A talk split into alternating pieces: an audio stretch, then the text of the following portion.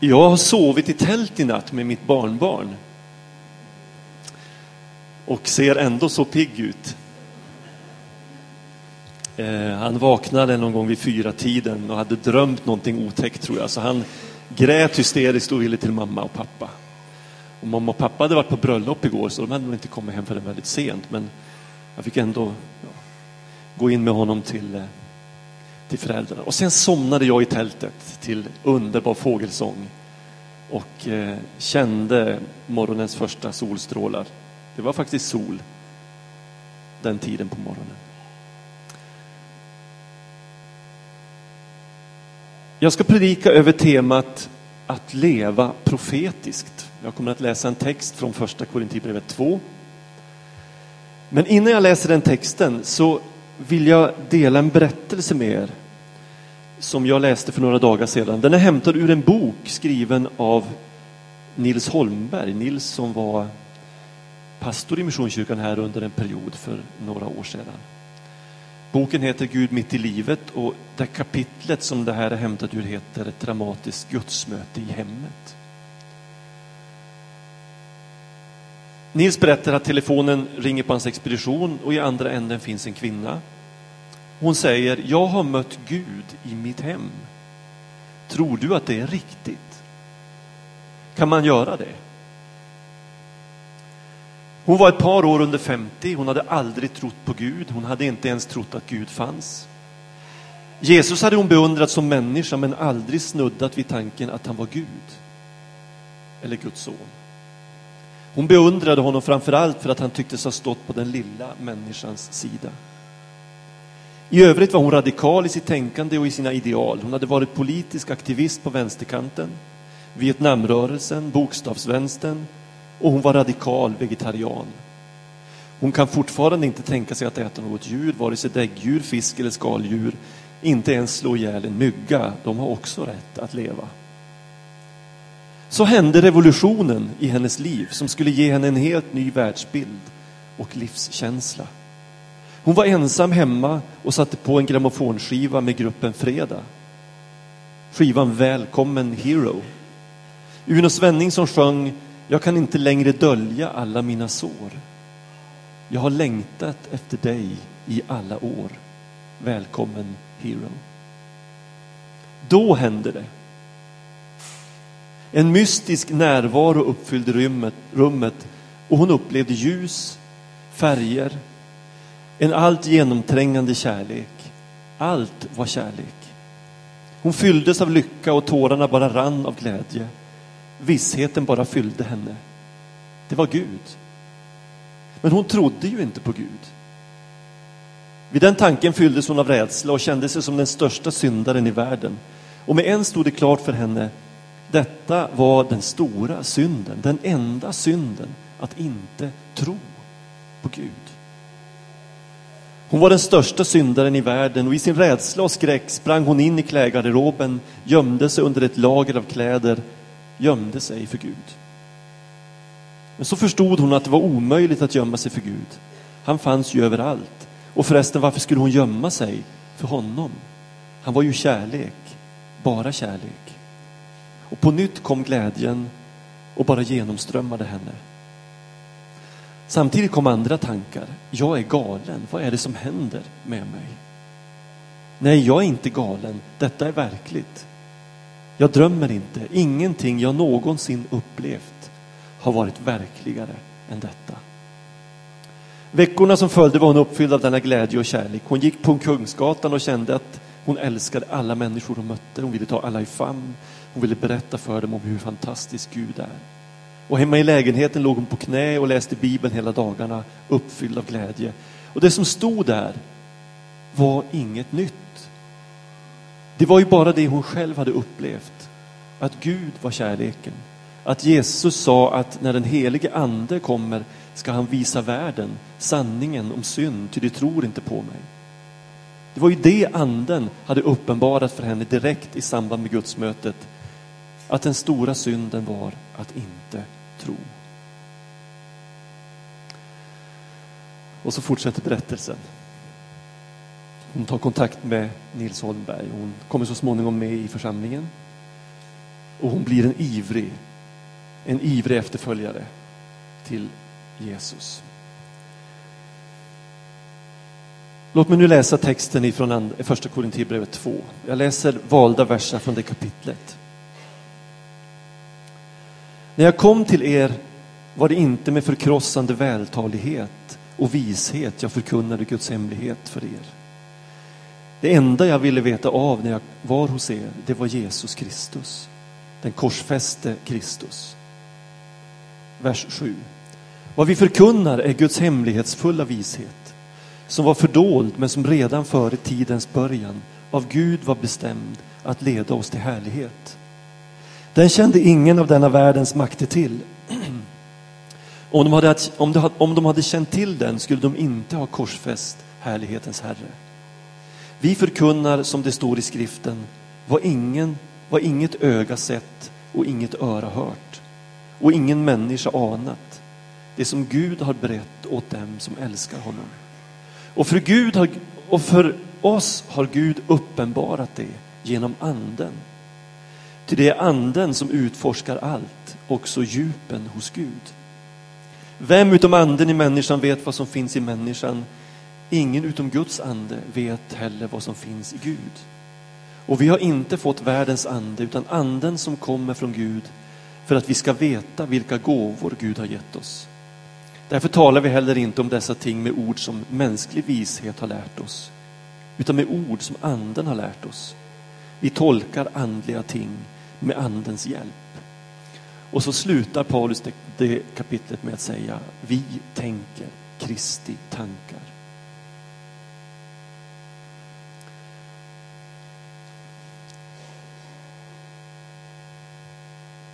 Jag fascineras av att Gud kan använda några strofer ur en sång som Freda sjunger på en grammofonskiva till att fullständigt revolutionera en människas liv.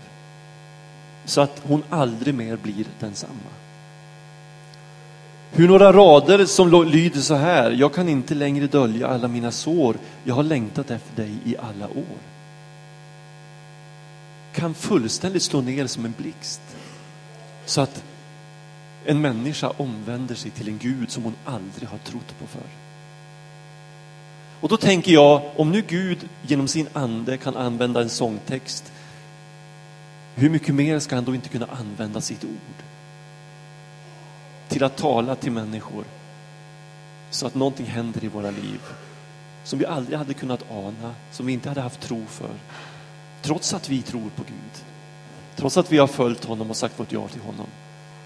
Skulle han inte kunna uppenbara någonting för oss som vi inte har sett förut eller vågat tro på? Tidigare.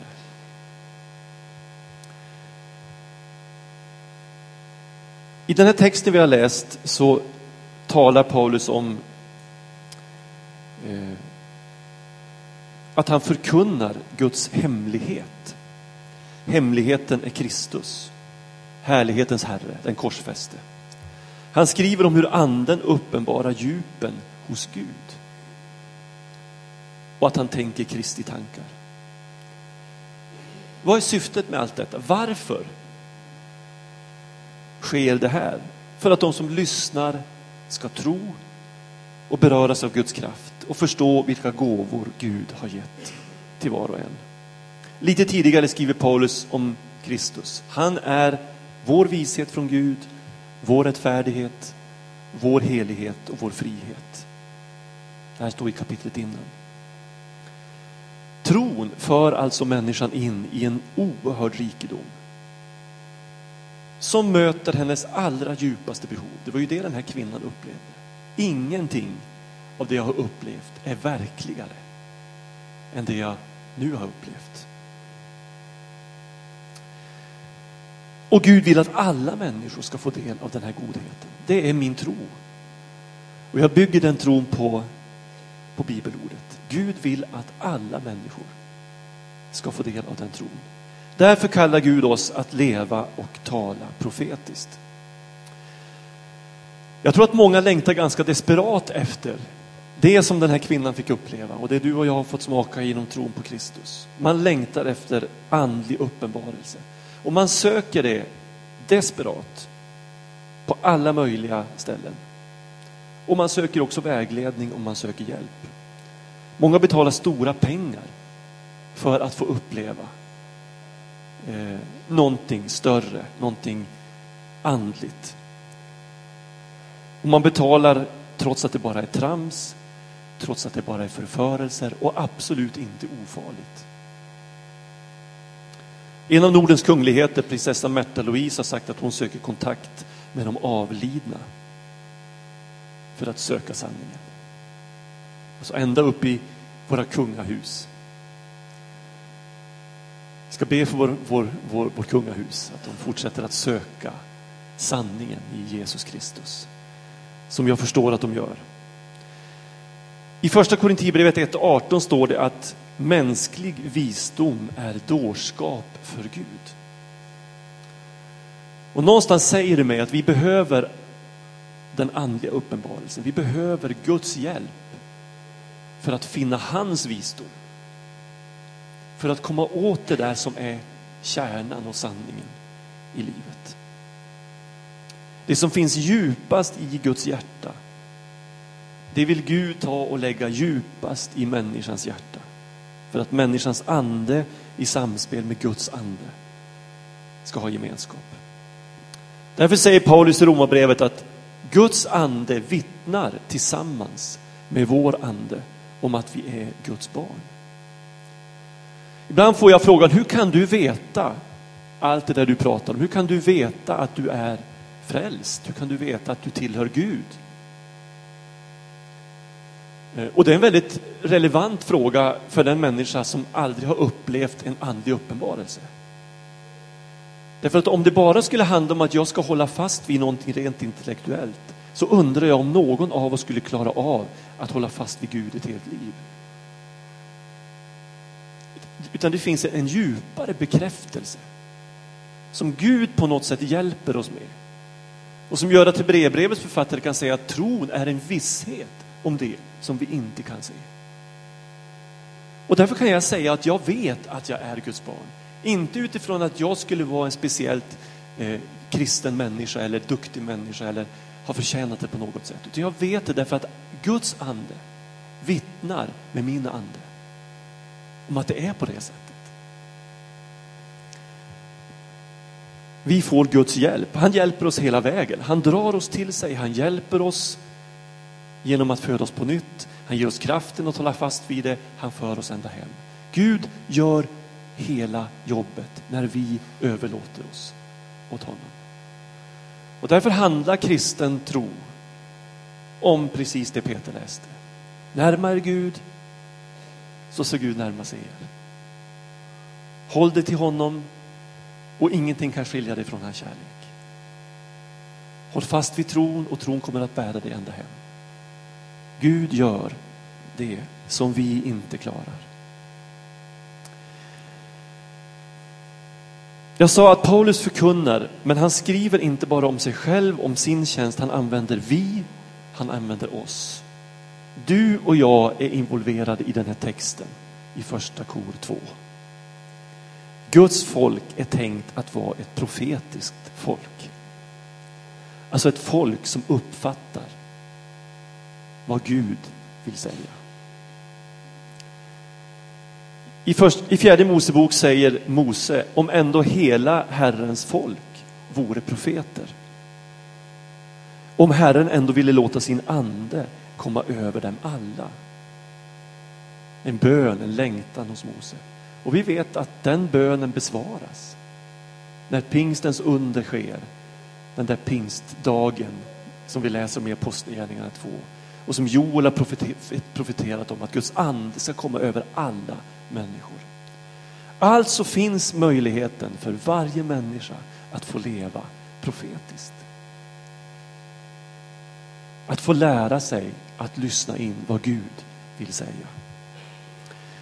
I första kor 14 säger Paulus, jag, jag skulle önska att ni alla profeterade. Så det här är en biblisk tanke. Jag delar drömmen med Mose och med Paulus. Vad innebär det då att leva och tala profetiskt? Vi ska ta nästa bild. Profetiskt tal, om vi ska definiera det, är att ta emot ett budskap inspirerat av anden. I en aktuell situation till uppbyggelse, förmaning och tröst för de troende och till väckelse och överbevisning för de icke-troende. Det kan betyda att tala Guds budskap, det kan betyda att förutsäga någonting som kommer att hända. En, en framtidsprofetia.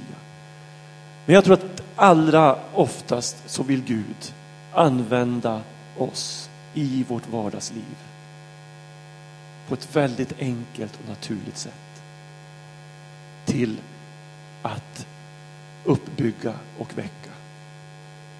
Och jag tror inte ens att vi behöver alltid vara medvetna om att Gud använder oss. Jag tror den helige ande kan använda oss bortom vårt eget förstånd, bortom vårt eget medvetande. Och, och vi vet inte ens att vi går Guds ärenden. Men vi gör det därför att vi har bett honom om att få göra det. Vi har lagt vårt liv i hans händer. Och då hör Gud en sån bön. Och så använder han oss. Det finns en fantastisk berättelse som visar på det profetiska livets betydelse eh, på ett väldigt tydligt sätt och som har någon sorts vardagskoppling. Och det är när Jesus möter kvinnan vid brunnen. Det var ju en helt vanlig vardagssituation. Jesus var till och med trött. Han var törstig, han var dammig. Han sitter där vid brunnen, kvinnan kommer. De har aldrig mötts. Det finns inga relationer mellan dem. Aldrig pratats vid tidigare. Men de inleder en konversation. Och den enkla konversationen är profetisk. Guds ande som både känner djupen hos Gud och djupen hos människan leder Jesus till att försiktigt öppna upp den här kvinnans innersta. Och hon gör en sån här dramatisk upplevelse, precis som kvinnan som jag läste om i början. Någonting händer i hennes liv som gör att hon bara vet att han som jag har pratat med är Gud. Och det förändrar hennes liv. Och det var ju inga konstiga, märkvärdiga ord som Jesus säger. De var bara märkvärdiga därför att de var profetiska.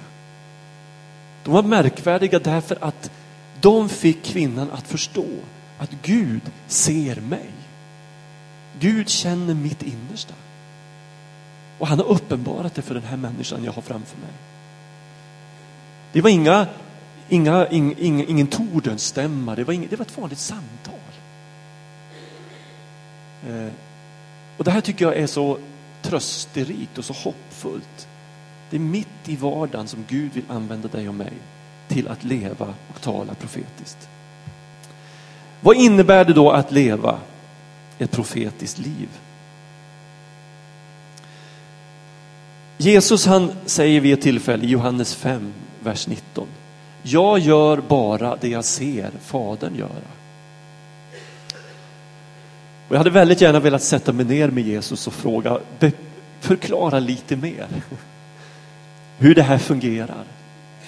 Vad menar du när du säger att jag gör bara det jag ser Fadern göra? Hur ser du det? Jag skulle vilja fråga Jesus den typen av frågor. Men ungefär samma formulering återkommer i Jesu liv. Att han på något sätt lever i en ständig kommunikation, en ständig lyhördhet, en känslighet för andens tilltal. Och han handlar inte enbart utifrån behoven, utan han är styrd av sitt inre liv. Av det Fadern säger i hans hjärta. Eh, och jag tror att det är det livet Gud kallar oss till, att, att vara aktiva utifrån ett, en, en inre drivkraft. Ni vet att vi kan ju se behov överallt och så blir vi så här som springer kors och tvärs och till slut så bränner vi ut oss. I våra försök att möta upp alla behov.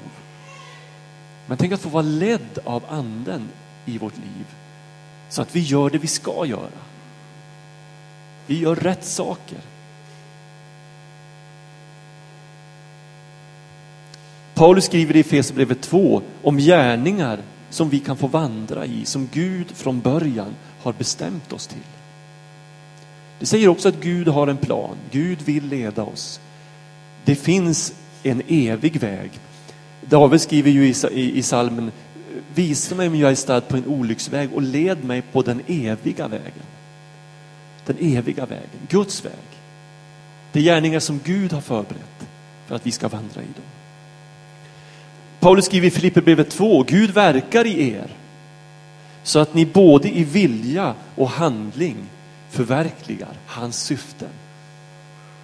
Och i det sammanhanget talas också om att vi ska vara följsamma, vi ska inte knota och klaga utan vi ska vara följsamma. Så tala Gud så gå. Gör det. Tveka inte. Och just det att gå och inte tveka är en stor nyckel till att få vara använd av Gud. Därför att det är att gå i tro. Det är att vila i Gud som vi sjöng om här, som Peter sjöng om. Vila i att det här har Gud i sin hand och ber han mig gå så behöver jag inte bekymra mig om jag klarar det eller inte. Jag behöver inte säga som Moses sa, men Gud jag kan inte tala, du kan inte sända mig. Och Gud har en dialog med Moses och säger, vem har skapat dig? Vem har gett dig förmågan att tala? Skulle inte jag veta om jag kan sända dig eller inte? Gud vet vad han gör och vi kan lita på honom. Ta nästa bild. Att kunna lyssna in Gud och det han vill uppenbara är en gåva som följer på tron. Och här skulle jag vilja att vi tänker till lite grann på skillnaden mellan en gåva som en prydnad. Ni vet man kan ju få gåvor av folk som man blir mer eller mindre glad för. Som står som prydnader. De fyller ingen funktion mer än att de står som prydnader. Någon gång i livet, förr eller senare, så tröttnar du på prylarna. Och du kommer att komma till en punkt där du tänker, jag vill äga så lite som möjligt. Kan jag inte bli av med allt detta? Men så finns eh, gåvan som man skulle kunna lika vid en begåvning, en förmåga. Och det är ju den bemärkelsen som Gud ger oss gåvor. Gåvan, en förmåga, en begåvning. Och försöka tänka på de andliga nådegåvorna som förmågor eller begåvningar som fungerar under inspiration. Och då vet jag att en begåvning, en förmåga, den måste paras med träning. Vi måste öva för att den här gåvan ska komma till sin rätt. Vi har Joakim här. Joakim är en oerhört begåvad hockeyspelare. Svensk mästare. Vi ger honom en applåd.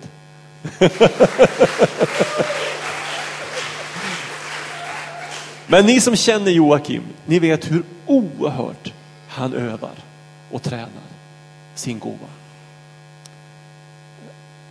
Och jag vet att i det avseendet så, så är han en stor förebild för många. Han försakar så mycket annat och så tränar han.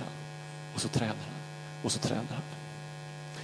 Och under allt detta så har han en varm kärlek till Gud.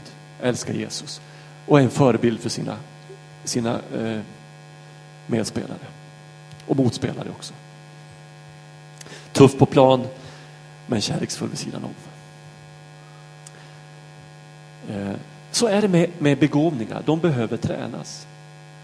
Och ibland så får jag en känsla av att vi har fått någon underlig uppfattning om andliga gåvor, att de aldrig behöver tränas. Utan att det där, det, det, de ska funka på en gång, fullt ut. Men jag är övertygad om att andlig begåvning måste tränas.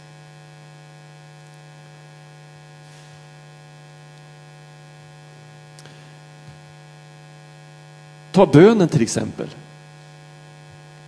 Jag tror att du kan vara en ovan bedjare och du kan vara en van bedjare.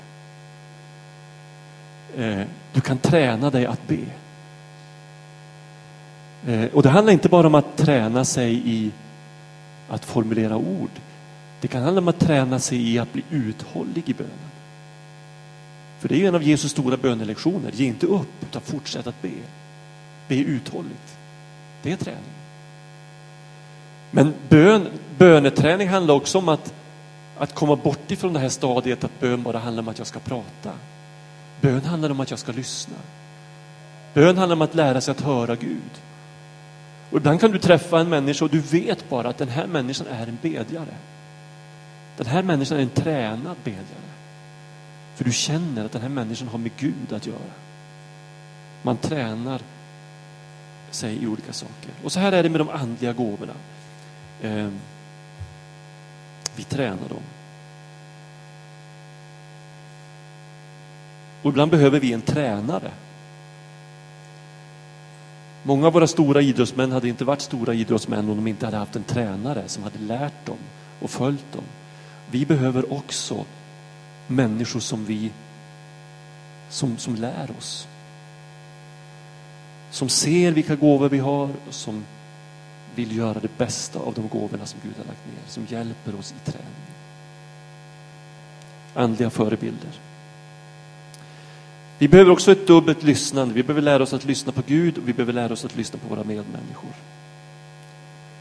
Jag tänker mig det här med övning som ungefär som en gjutform. Ni vet när man ska bygga någonting i betong så bygger man först en form. Och så fyller man den här formen med, med betongen och så hårdnar betongen och så kan du ta bort formen. När vi tränar våra gåvor så bygger vi en form. Vi gör det vi kan. Vi bygger en form och så fyller Gud på den här formen. Men det som till slut ska bli substansen, det som ska hålla. Och till slut så, så, så är det bara det genuina kvar. Det Gud står för. Men vi har gjort vårt, vi har tränat, vi har byggt formen. Och det här gäller på livets alla områden. Jag hörde om en kvinna som inte kunde älska sin granne. Hon, hon bad en kristen, vis kristen om råd. Hur ska jag göra? Jag kan inte älska min granne. Då sa, då sa den här mogna kristna personen, be, börja be för din granne. Och när du ber för din granne så bygger du en form. Den formen kommer Gud att fylla med sin kärlek. Och en dag vaknade kvinnan upp över att hon inte längre behövde anstränga sig för att be för sin granne. För Gud hade fyllt hennes böneform med, sitt, med sin genuina kärlek och hon kände hur hon själv älskade den här grannen från sitt hjärta. Ett samspel med Gud. Nästa bild. Olika sätt att uppfatta vad Gud säger. Jag ska bara kort ge några punkter. Gud talar genom Bibeln. Och det kan ju tyckas subjektivt. Vi vet att, att människor kan uppfatta Bibeln på olika sätt. Men när Gud talar till dig genom Bibeln så vet du att han har talat till dig. Och därför är det så viktigt att, ha, att regelbundet läsa Bibeln. Gärna enligt en plan så att du inte tappar den goda vanan. Varje bok i skriften är inspirerad av Gud och till nytta när du vill tjäna honom. Så läs regelbundet och Gud kommer att tala till dig. Gud talar genom tankar. Vi tänker Kristi tankar, sa Paulus här. Tanken är en fantastisk gåva som Gud har gett oss. Och när det gäller att tjäna Gud kopplat till tanken så handlar det väldigt mycket om lydnad. För ofta får du och jag tankar. Och vi undrar var de kommer ifrån. Men vi ska lära oss när de kommer från Gud och så ska vi lyda vår tanke. Väldigt mycket tjänst för Gud börjar i tanken. Du får en tanke att du ska ringa ett samtal. Du får en tanke när du möter en människa, när du sitter och samtalar med en människa. Börja våga gå på de tankarna. Det handlar om träning. Gå på de tankarna. Du, jag kommer att tänka på det här. Jag vill bara dela det med dig. Du får pröva det. Eller ring ett samtal och säg, jag fick bara sån känsla för att jag skulle ringa dig just nu. Jag vet inte vad det gäller, men jag ringer och jag frågar, hur mår du? Och så ger du människan en chans att gensvara på Guds tilltal. Och skulle du göra bort dig så händer inget farligt, därför att du är vänlig och snäll och du vill ju bara gott. Eh. Genom bilder och syner. Jesus såg Natanael när han satt under fikonträdet. Innan han såg honom med sina fysiska ögon. Filippos tog honom med till Jesus och så blev det ett möte. Petrus såg linneduken med de här orena djuren som kom från himlen. Han visste inte vad det betydde, men det fick han veta så småningom. Genom drömmar. Paulus la om resan efter en drömsyn. En drömsyn som var så viktig att hade inte Paulus sett den och lytt den så hade inte Europa nåtts av evangelium. Åtminstone inte då. genom omständigheter. Och här tror jag att vi skulle träna oss i att tänka positiva tankar, även när negativa saker händer. Eh, att tänka, Gud, jag är så spänd på att se vad du tänker med det här. Jag är så, jag är så spänd på att se vad, vad, vad är det nu som ligger bakom hörnet. Vi, vi ser ju ofta bara det negativa och vi tänker negativt och vi blir deprimerade och ledsna. Jag har ett exempel som jag har berättat om tidigare när, när eh, Salberg, Karl-Erik Salberg och hans vänner i Sankta Clara kyrka förlorade friggeboden på Sergels torg för att Stockholms kommun sa ni får inte ha den längre. Och den hade varit basen för deras arbete och liksom var centrum för den sociala verksamheten. Och församlingsmedlemmar kom till Karl-Erik och sa att nu måste vi skriva till kommunen, vi måste kämpa för att ha kvar den där friggeboden. Nej, sa Karl-Erik, vi ska inte kämpa för det här, för Gud har någonting större i beredskap för oss. Och efter en tid hade gått så visade det sig att det var den stora befrielsen att bli av med den där friggeboden. För plötsligt fick de en, helt, en mycket större vision. Och he, hela centrala Stockholm blev på något sätt deras centrum och deras eh, möjlighet till arbete. Lite mer av det där, Gud, vad vill du nu? Genom vardagliga ting, du ser något och Gud talar till dig. Jeremia gick till krukmakarens hus och såg krukmakaren hålla på med leret på drejskivan och så talar Gud till honom.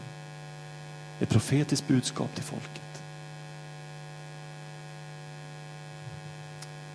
Genom en hörbar röst finns de som får höra Gud tala på det sättet. Den här kvinnan jag läste i början, hon fick höra Gud tala när man läser vidare i texten på ett väldigt påtagligt sätt.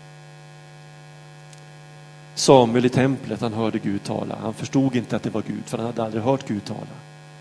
Men han mötte en tränare, en vis man som sa, nästa gång du hör rösten så säg, tala Gud, din tjänare hör. Eller som någon som sa fel sa, tjänare Gud, din talare hör.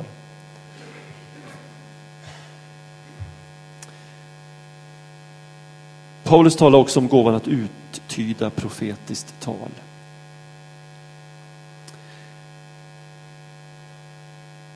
Jag hoppar över en punkt här och går direkt på avslutningen. Vi hoppar över en bild också.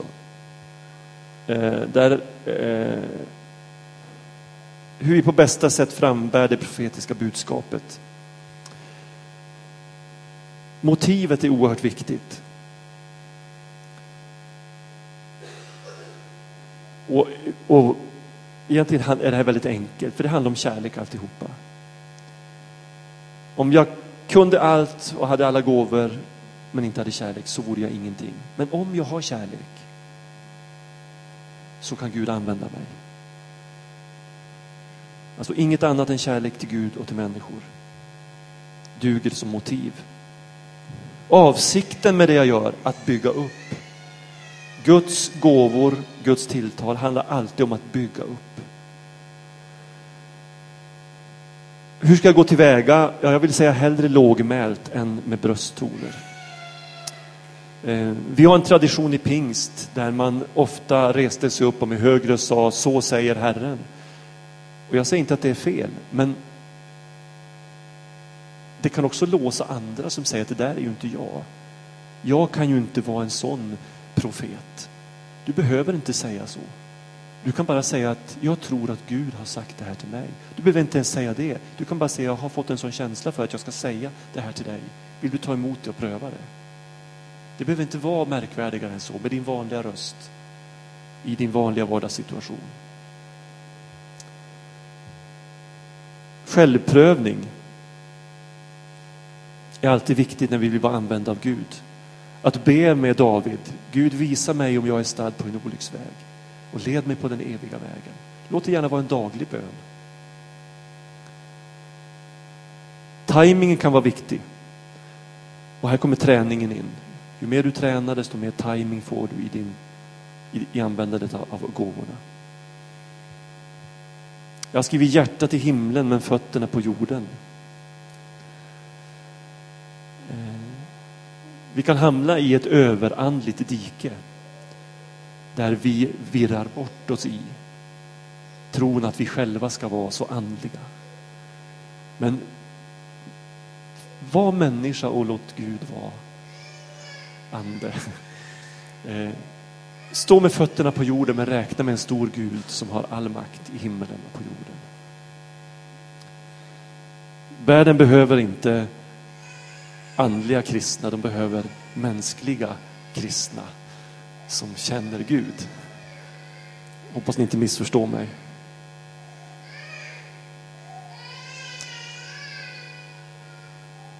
Och integritet.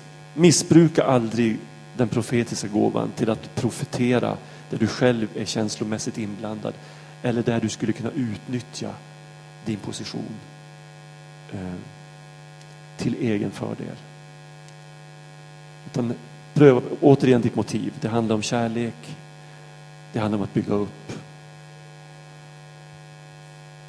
Och till sist, ett kort citat. Vi tar nästa bild. Sök inte så mycket mina händer som mitt ansikte. Tror jag att Gud vill hälsa till oss. Sök inte så mycket Guds händer som Guds ansikte. För där ligger nyckeln till all tjänst. Amen. Gud, jag vill tacka dig för att du kallar oss att följa dig. Tack för det här som är så stort och ofattbart att vi nästan inte kan tro det. Att du har förberett gärningar födda i din vilja, i ditt hjärta som vi kan få gå i. Där vi kan få tjäna. Tack för det ofattbara att vi genom den helige Ande kan få känna djupen hos dig Gud. Och tänka Kristi tankar. Tack att det inte bara var Jesu liv som kunde vara ett liv där han bara gjorde vad Fadern gjorde, utan att våra liv kan vara sådana liv. Där vi gör det vi ser dig, vår himmelske far, göra. Jag ber att du föder tro i oss inför den här sommaren. Ja, inför den vecka som ligger framför oss. Att vi på det här konkreta sättet kan få gå i förutberedda gärningar. Och genom att vara lyhörda, genom att träna oss, genom att vilja och genom att gå i tro så kan vi få betyda så oerhört mycket för vår medmänniska. Tack för alla som du redan har talat till, där du redan har varit, gjort nedslag i den här stan. Människor som på något sätt har mött dig men som ännu inte vet vad det här ska leda till. Men som ropar efter, efter vägledning, som hungrar efter mer. Föres i kontakt med, med människor hela tiden. Som är på väg in i ditt rike. Och jag ber särskilt för den som har diskvalificerat sig själv och tänkt att jag är ingen sån som kan tjäna Gud. Herre, du tog Paulus som andades hat och modlust och som var allt annat än inriktat på att följa Kristus. Så gjorde du honom till ett redskap för dig. Tack att du är större än oss. Du är möjligheternas Gud, du är utvägarnas Gud. Jag ber också för den som just nu går igenom prövningar och som, som bara tänker att detta är mörker. Låt ditt ljus komma in Vänd tanken i tro att du har en utväg. Att du har välsignelser i beredskap. Långt bortom det som vi kan tänka ut och se. Du kan göra långt mer än vad vi kan be om eller tänka ut. Tack att du hör bön. I Jesu namn. Amen.